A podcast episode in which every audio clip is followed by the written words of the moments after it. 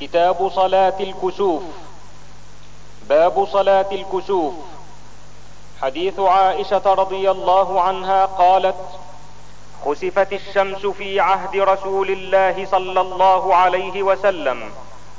فصلى رسول الله صلى الله عليه وسلم بالناس. فقام فأطال القيام. ثم ركع فأطال الركوع. ثم قام فأطال القيام وهو دون القيام الأول.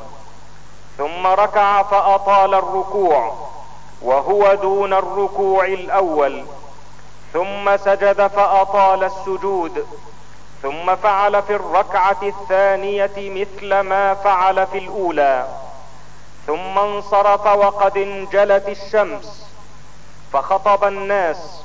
فحمد الله وأثنى عليه. ثم قال إن الشمس والقمر آيتان من آيات الله لا ينخسفان لموت أحد ولا لحياته. فإذا رأيتم ذلك فادعوا الله وكبروا وصلوا وتصدقوا. ثم قال يا أمة محمد ما من أحد أغير من الله أن يزني عبده أو تزني أمته. يا أمة محمد والله لو تعلمون ما أعلم لضحكتم قليلا ولبكيتم كثيرا. وعن عائشة زوج النبي صلى الله عليه وسلم قالت خسفت الشمس في حياة النبي صلى الله عليه وسلم فخرج إلى المسجد فصف الناس وراءه فكبر فاقترأ رسول الله صلى الله عليه وسلم قراءة طويلة ثم كبر فركع ركوعا طويلا ثم قال سمع الله لمن حمده. فقام ولم يسجد. وقرأ قراءة طويلة هي أدنى من القراءة الأولى ثم كبر وركع ركوعا طويلا وهو أدنى من الركوع الأول. ثم قال سمع الله لمن حمده ربنا ولك الحمد. ثم سجد. ثم قال في الركعة الآخرة مثل ذلك. فاستكمل أربع ركعات في أربع سجدات وانجلت الشمس قبل أن ينصرف ثم قام فأثنى على الله بما هو أهله ثم قال هما آيتان من آيات الله لا يخسفان لموت أحد ولا لحياته فإذا رأيتموهما فافزعوا إلى الصلاة. وعن عائشة رضي الله عنها قالت خسفت الشمس فقام النبي صلى الله عليه وسلم فقرأ سورة طويلة ثم ركع فأطال ثم رفع رأسه ثم استفتح بسورة أخرى ثم ركع حتى قضاها وسجد ثم فعل ذلك في الثانية ثم قال إنهما آيتان من آيات الله. فإذا رأيتم ذلك فصلوا حتى يفرج عنكم. لقد رأيت في مقامي هذا كل شيء وعدته. حتى لقد رأيتني أريد أن آخذ قطفا من الجنة. حين رأيتموني جعلت أتقدم. ولقد رأيت جهنم. يحطم بعضها بعضا. حين رأيتموني تأخرت ورأيت فيها عمرو بن لحي وهو الذي سيب السوائب. باب ذكر عذاب القبر في صلاة الخسوف.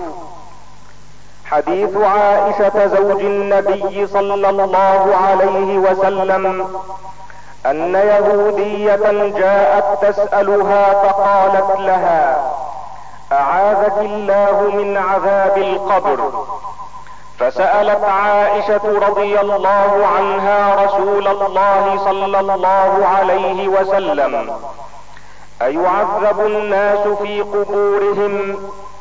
فقال رسول الله صلى الله عليه وسلم عائذا بالله من ذلك. ثم ركب رسول الله صلى الله عليه وسلم ذات غداة مركبا فخسفت الشمس فرجع ضحى. فمر رسول الله صلى الله عليه وسلم بين ظهراني الحجر. ثم قام يصلي وقام الناس وراءه فقام قياما طويلا ثم ركع ركوعا طويلا ثم رفع فقام قياما طويلا وهو دون القيام الأول ثم ركع ركوعا طويلا وهو دون الركوع الأول ثم رفع فسجد. ثم قام فقام قياما طويلا وهو دون القيام الأول. ثم ركع ركوعا طويلا وهو دون الركوع الأول. ثم قام قياما طويلا وهو دون القيام الأول. ثم ركع ركوعا طويلا وهو دون الركوع الأول. ثم رفع فسجد وانصرف. فقال ما شاء الله أن يقول. ثم أمرهم أن يتعوذوا من عذاب القبر. باب ما عرض على النبي صلى الله عليه وسلم في صلاة الكسوف من أمر الجنة والنار. حديث أسماء رضي الله عنها قالت أتيت عائشة وهي تصلي. فقلت ما شأن الناس؟ فأشارت إلى السماء فإذا الناس قيام. فقالت سبحان الله. قلت آية. فأشارت برأسها أي نعم. فقمت حتى تجلاني الغشي فجعلت أصب على رأس الماء. فحمد الله عز وجل النبي صلى الله عليه وسلم وأثنى عليه ثم قال ما من شيء لم أكن اريته إلا رأيته في مقامي حتى الجنة والنار. فأوحي إلي أنكم تفتنون في قبوركم مثل أو قريب قال الراوي لا أدري أي ذلك قالت أسماء. من فتنة المسيح الدجال يقال ما علمك بهذا الرجل؟ فأما المؤمن أو الموقن لا أدري بأيهما قالت أسماء. فيقول هو محمد رسول الله جاءنا بالبينات والهدى. فأجبنا واتبعنا. هو محمد. ثلاثا فيقال نم صالحا. قد علمنا إن كنت لموقنا به. وأما المنافق أو المرتاب لا أدري أي ذلك قالت أسماء. فيقول لا أدري. سمعت الناس يقولون شيئا فقلته. وعن عبد الله بن عباس رضي الله عنهما قال انخسفت الشمس على عهد رسول الله صلى الله عليه وسلم فصلى رسول الله صلى الله عليه وسلم فقام قياما طويلا نحوا من قراءة سورة البقرة ثم ركع ركوعا طويلا ثم رفع فقام قياما طويلا وهو دون القيام الأول. ثم ركع ركوعا طويلا وهو دون الركوع الأول. ثم سجد ثم قام قياما طويلا وهو دون القيام الأول. ثم ركع ركوعا طويلا وهو دون الركوع الأول.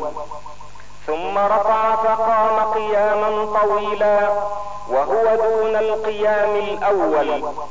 ثم ركع ركوعا طويلا وهو دون الركوع الأول.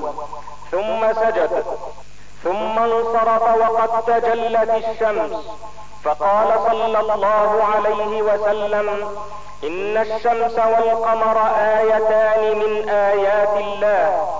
لا يخسفان لموت أحد ولا لحياته. فإذا رأيتم ذلك فاذكروا الله. قالوا يا رسول الله رأيناك تناولت شيئا في مقامك ثم رأيناك كعكعت فقال صلى الله عليه وسلم إني رأيت الجنة فتناولت عنقودا. ولو أصبته لأكلتم منه ما بقيت الدنيا وأريت النار فلم أر منظرا كاليوم قط أفظع ورأيت أكثر أهلها النساء قالوا بم يا رسول الله قال بكفرهن قيل يكفرن بالله قال يكفرن العشير ويكفرن الإحسان لو أحسنت إلى إحداهن الدهر كله ثم رأت منك شيئا قالت ما رأيت منك خيرا قط. باب ذكر النداء بصلاة الكسوف الصلاة جامعة. حديث عبد الله بن عمرو بن العاص رضي الله عنهما قال لما كسفت الشمس على عهد رسول الله صلى الله عليه وسلم نودي إن الصلاة جامعة. فركع النبي صلى الله عليه وسلم ركعتين في سجدة. ثم قام فركع ركعتين في سجدة. ثم جلس. ثم جلي عن الشمس. قال وقالت عائشة رضي الله عنها ما سجدت سجودا قط كان أطول منها. وعن أبي مسعود رضي الله عنه قال قال النبي صلى الله عليه وسلم إن الشمس والقمر لا ينكسفان لموت أحد من الناس. ولكنهما آيتان من آيات الله. فإذا رأيتموهما فقوموا فصلوا. وعن أبي موسى رضي الله عنه قال خسفت الشمس فقام النبي صلى الله عليه وسلم فزعا. يخشى أن تكون الساعة. فأتى المسجد فصلى بأطول قيام وركوع وسجود رأيته قط يفعله. وقال هذه الآيات التي يرسل الله لا تكون لموت أحد ولا لحياته ولكن يخوف الله به عباده. فإذا رأيتم شيئا من ذلك فافزعوا إلى ذكر الله ودعائه واستغفاره. وعن ابن عمر رضي الله عنهما أنه كان يخبر عن النبي صلى الله عليه وسلم إن الشمس والقمر لا يخسفان لموت أحد ولا لحياته. ولكنهما آيتان من آيات الله. فإذا رأيتموهما فصلوا. وعن المغيرة بن شعبة رضي الله عنه قال كسفت الشمس على عهد رسول الله صلى الله عليه وسلم يوم مات إبراهيم. فقال الناس كسفت الشمس لموت إبراهيم فقال رسول الله صلى الله عليه وسلم إن الشمس والقمر لا ينكسفان لموت أحد ولا لحياته فإذا رأيتم فصلوا وادعوا الله. كتاب الجنائز باب البكاء على الميت. حديث أسامة بن زيد رضي الله عنهما قال أرسلت ابنة النبي صلى الله عليه وسلم إليه إن ابنا لي قبض فاتنا فأرسل يقرئ السلام ويقول إن لله ما أخذ وله ما أعطى وكل عنده بأجل مسمى فلتصبر ولتحتسب. فأرسلت إليه. تقسم عليه ليأتينها. فقام ومعه سعد بن عبادة ومعاذ بن جبل وأبي بن كعب وزيد بن ثابت ورجال. فرفع إلى رسول الله صلى الله عليه وسلم الصبي ونفسه تتقعقع كأنها شن. ففاضت عيناه. فقال سعد يا رسول الله ما هذا؟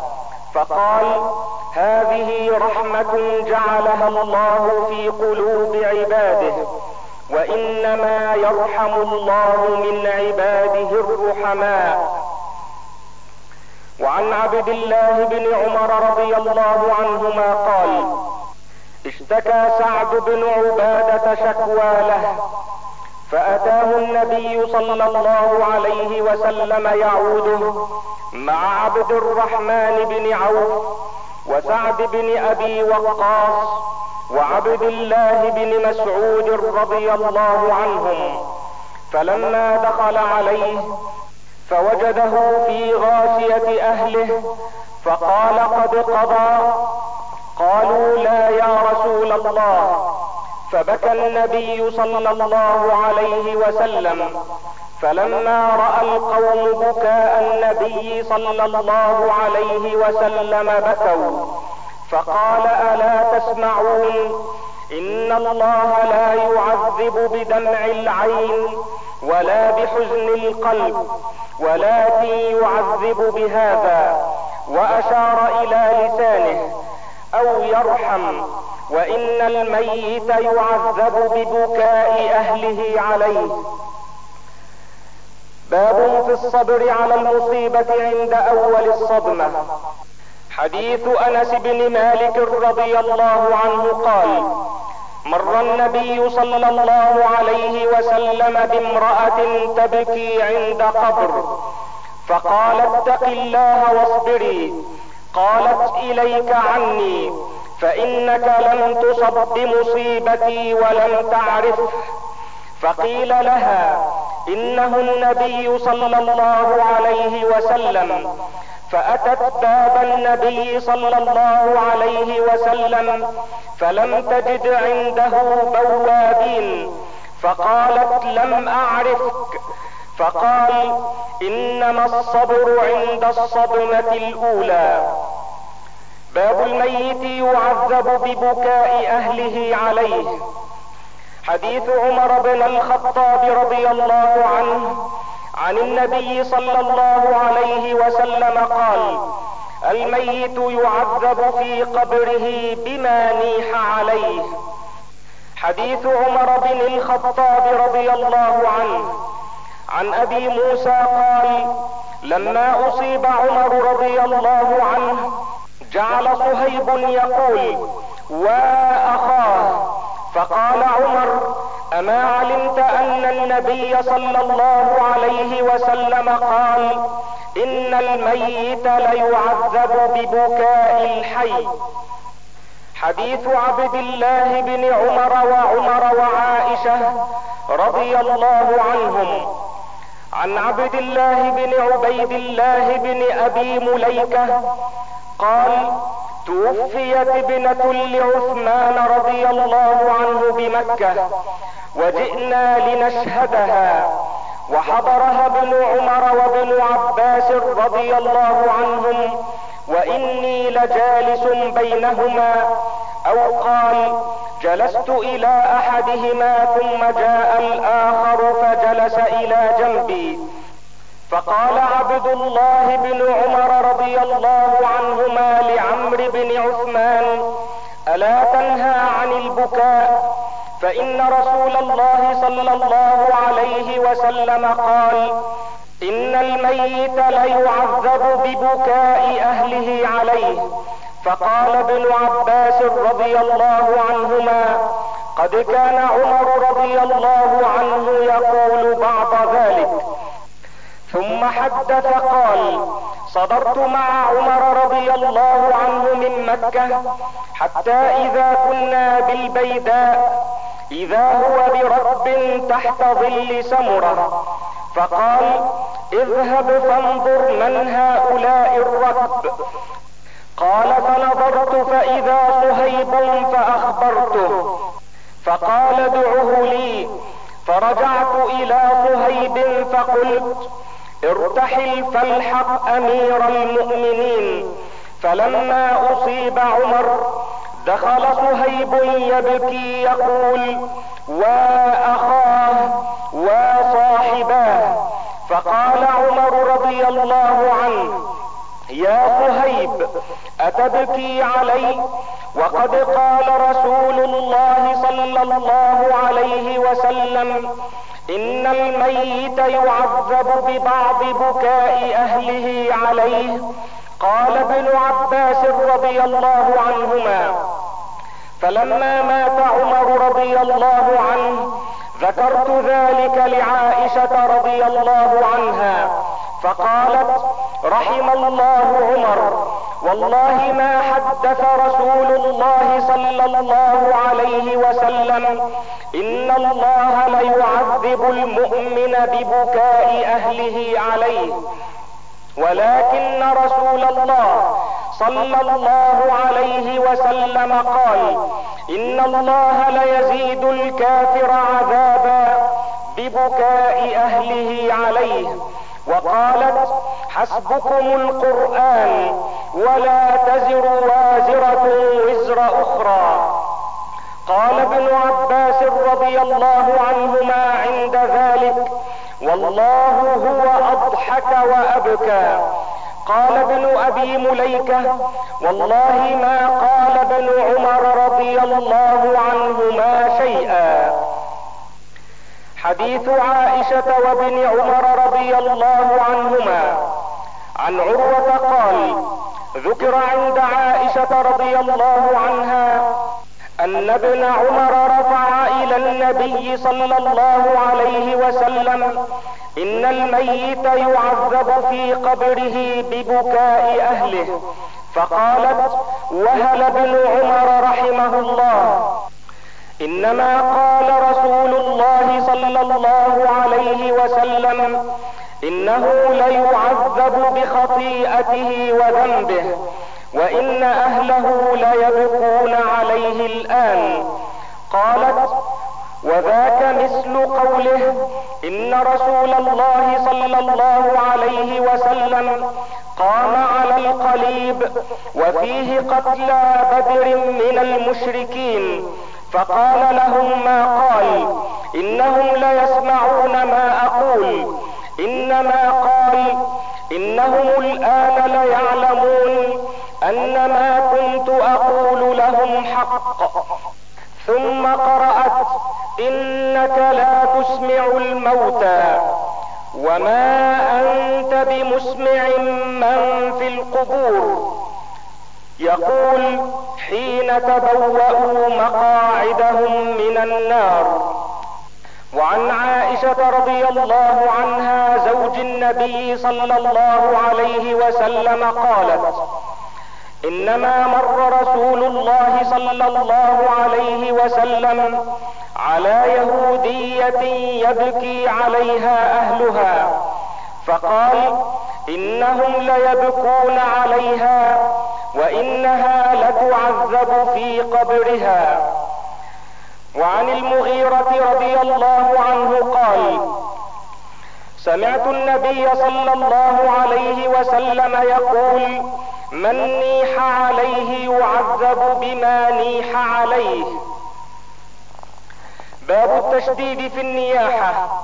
حديث عائشة رضي الله عنها قالت لما جاء النبي صلى الله عليه وسلم قتل ابن حارثة وجعفر وابن رواحة جلس يعرف فيه الحزن وأنا أنظر من صائر الباب شق الباب. فأتاه رجل فقال إن نساء جعفر وذكر بكاءهن فأمره أن ينهاهن. فذهب ثم أتاه الثانية لم يطعنه فقال انههن فأتاه الثالثة. قال والله غلبننا يا رسول الله. فزعمت أنه قال فاحث في أفواههن التراب. فقلت أرغم الله أنفك. لم تفعل ما أمرك رسول الله صلى الله عليه وسلم ولم تترك رسول الله صلى الله عليه وسلم من العناء. وعن أم عطية رضي الله عنها قالت أخذ علينا النبي صلى الله عليه وسلم عند البيعة ألا ننوح. فما وفت منا امرأة غير خمس نسوة أم سليم وأم العلاء وابنة أبي سبره امرأة معاذ وامرأتين أو ابنة أبي سبره وامرأة معاذ وامرأة أخرى. وعن أم عطية رضي الله عنها قالت بايعنا رسول الله صلى الله عليه وسلم فقرأ علينا الا يشركن بالله شيئا ونهانا عن النياحة. فقبضت امرأة يدها فقالت أسعدتني فلانة أريد أن أجزيها. فما قال لها النبي صلى الله عليه وسلم شيئا. فانطلقت ورجعت فبايعها. باب نهي النساء عن اتباع الجنائز. حديث أم عطية رضي الله عنها قالت نهينا عن اتباع الجنائز ولم يعزم علينا. باب في غسل الميت. حديث أم عطية الأنصارية رضي الله عنها قالت دخل علينا رسول الله صلى الله عليه وسلم حين توفيت ابنته فقال اغسلنها ثلاثا أو خمسا أو أكثر من ذلك.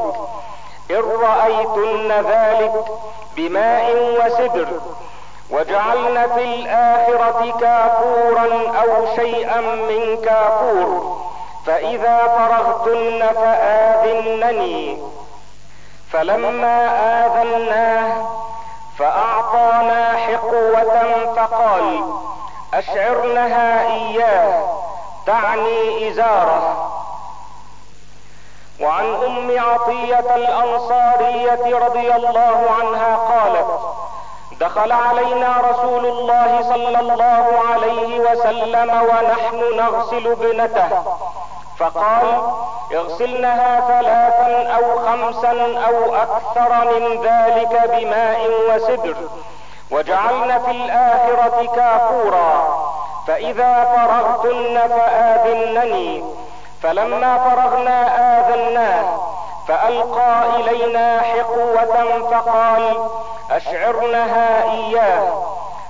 فقال أيوب أحد الرواة وحدثتني حفصة بمثل حديث محمد وكان في حديث حفصة اغسلنها وترا وكان فيه ثلاثا أو خمسا أو سبعا وكان فيه أنه قال ابدأن بميامنها ومواضع الوضوء منها وكان فيه أن أم عطية قالت ومشطناها ثلاثة قرون.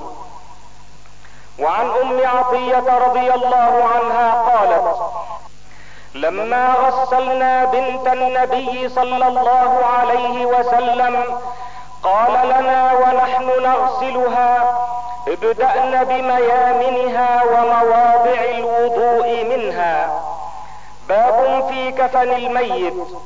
حديث خباب رضي الله عنه قال هاجرنا مع النبي صلى الله عليه وسلم نلتمس وجه الله فوقع أجرنا على الله فمنا من مات لم يأكل من أجره شيئا منهم مصعب بن عمير ومنا من أينعت له ثمرته فهو يهدبها. قتل يوم أحد فلم نجد ما نكفنه إلا برده.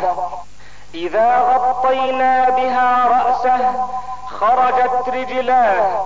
وإذا غطينا رجليه خرج رأسه. فأمرنا النبي صلى الله عليه وسلم أن نغطي رأسه وأن نجعل على رجليه من الإذخر. وعن عائشة رضي الله عنها أن رسول الله صلى الله عليه وسلم كفن في ثلاثة أثواب يمانية بيض سحولية من كرسف ليس فيهن قميص ولا عمامة. باب في تسجية الميت. حديث عائشة رضي الله عنها زوج النبي صلى الله عليه وسلم أن رسول الله صلى الله عليه وسلم حين توفي سجي ببرد حبره باب الإسراع بالجنازة. حديث أبي هريرة رضي الله عنه عن النبي صلى الله عليه وسلم قال أسرعوا بالجنازة فإن تك صالحة فخير تقدمونها وإن يك سوى ذلك فشر تضعونه عن رقابكم. باب فضل الصلاة على الجنازة واتباعها. حديث أبي هريرة رضي الله عنه قال قال رسول الله صلى الله عليه وسلم من شهد الجنازة حتى يصلي عليها فله قيراط. ومن شهد حتى تدفن كان له قيراطان. قيل وما القيراطان؟ قال مثل الجبلين العظيمين. حديث أبي هريرة وعائشة رضي الله عنهما. حدث ابن عمر أن أبا هريرة رضي الله عنه يقول من تبع جنازة فله قيراط. فقال أكثر أبو هريرة علينا فصدقت. يعني عائشة أبا هريرة. وقالت سمعت رسول الله صلى الله عليه وسلم يقوله. فقال ابن عمر رضي الله عنهما لقد فرطنا في قراريط كثيرة. باب في من يثنى عليه خير أو شر من الموتى. حديث أنس بن مالك رضي الله عنه قال مروا بجنازة فأثنوا عليها خيرا. فقال النبي صلى الله عليه وسلم وجبت. ثم مروا بأخرى فأثنوا عليها شرا. فقال وجبت. فقال عمر بن الخطاب رضي الله عنه ما وجبت؟ قال هذا أثنيتم عليه خيرا فوجبت له الجنة وهذا أثنيتم عليه شرا فوجبت له النار. أنتم شهداء الله في الأرض. باب ما جاء في مستريح ومستراح منه. حديث أبي قتادة بن ربعي الأنصاري رضي الله عنه أن رسول الله صلى الله عليه وسلم مر عليه بجنازة فقال مستريح ومستراح منه. قالوا يا رسول الله ما المستريح والمستراح منه؟ قال العبد المؤمن يستريح من نصب الدنيا وأذاها إلى رحمة الله والعبد الفاجر يستريح منه العباد والبلاد والشجر والدواب. باب في التكبير على الجنازة. حديث أبي هريرة رضي الله عنه أن رسول الله صلى الله عليه وسلم نعى النجاشي في اليوم الذي مات فيه خرج إلى المصلى فصف بهم وكبر أربعا. وعن أبي هريرة رضي الله عنه قال نعى لنا رسول الله صلى الله عليه وسلم النجاشي صاحب الحبشة اليوم الذي مات فيه فقال استغفروا لأخيكم.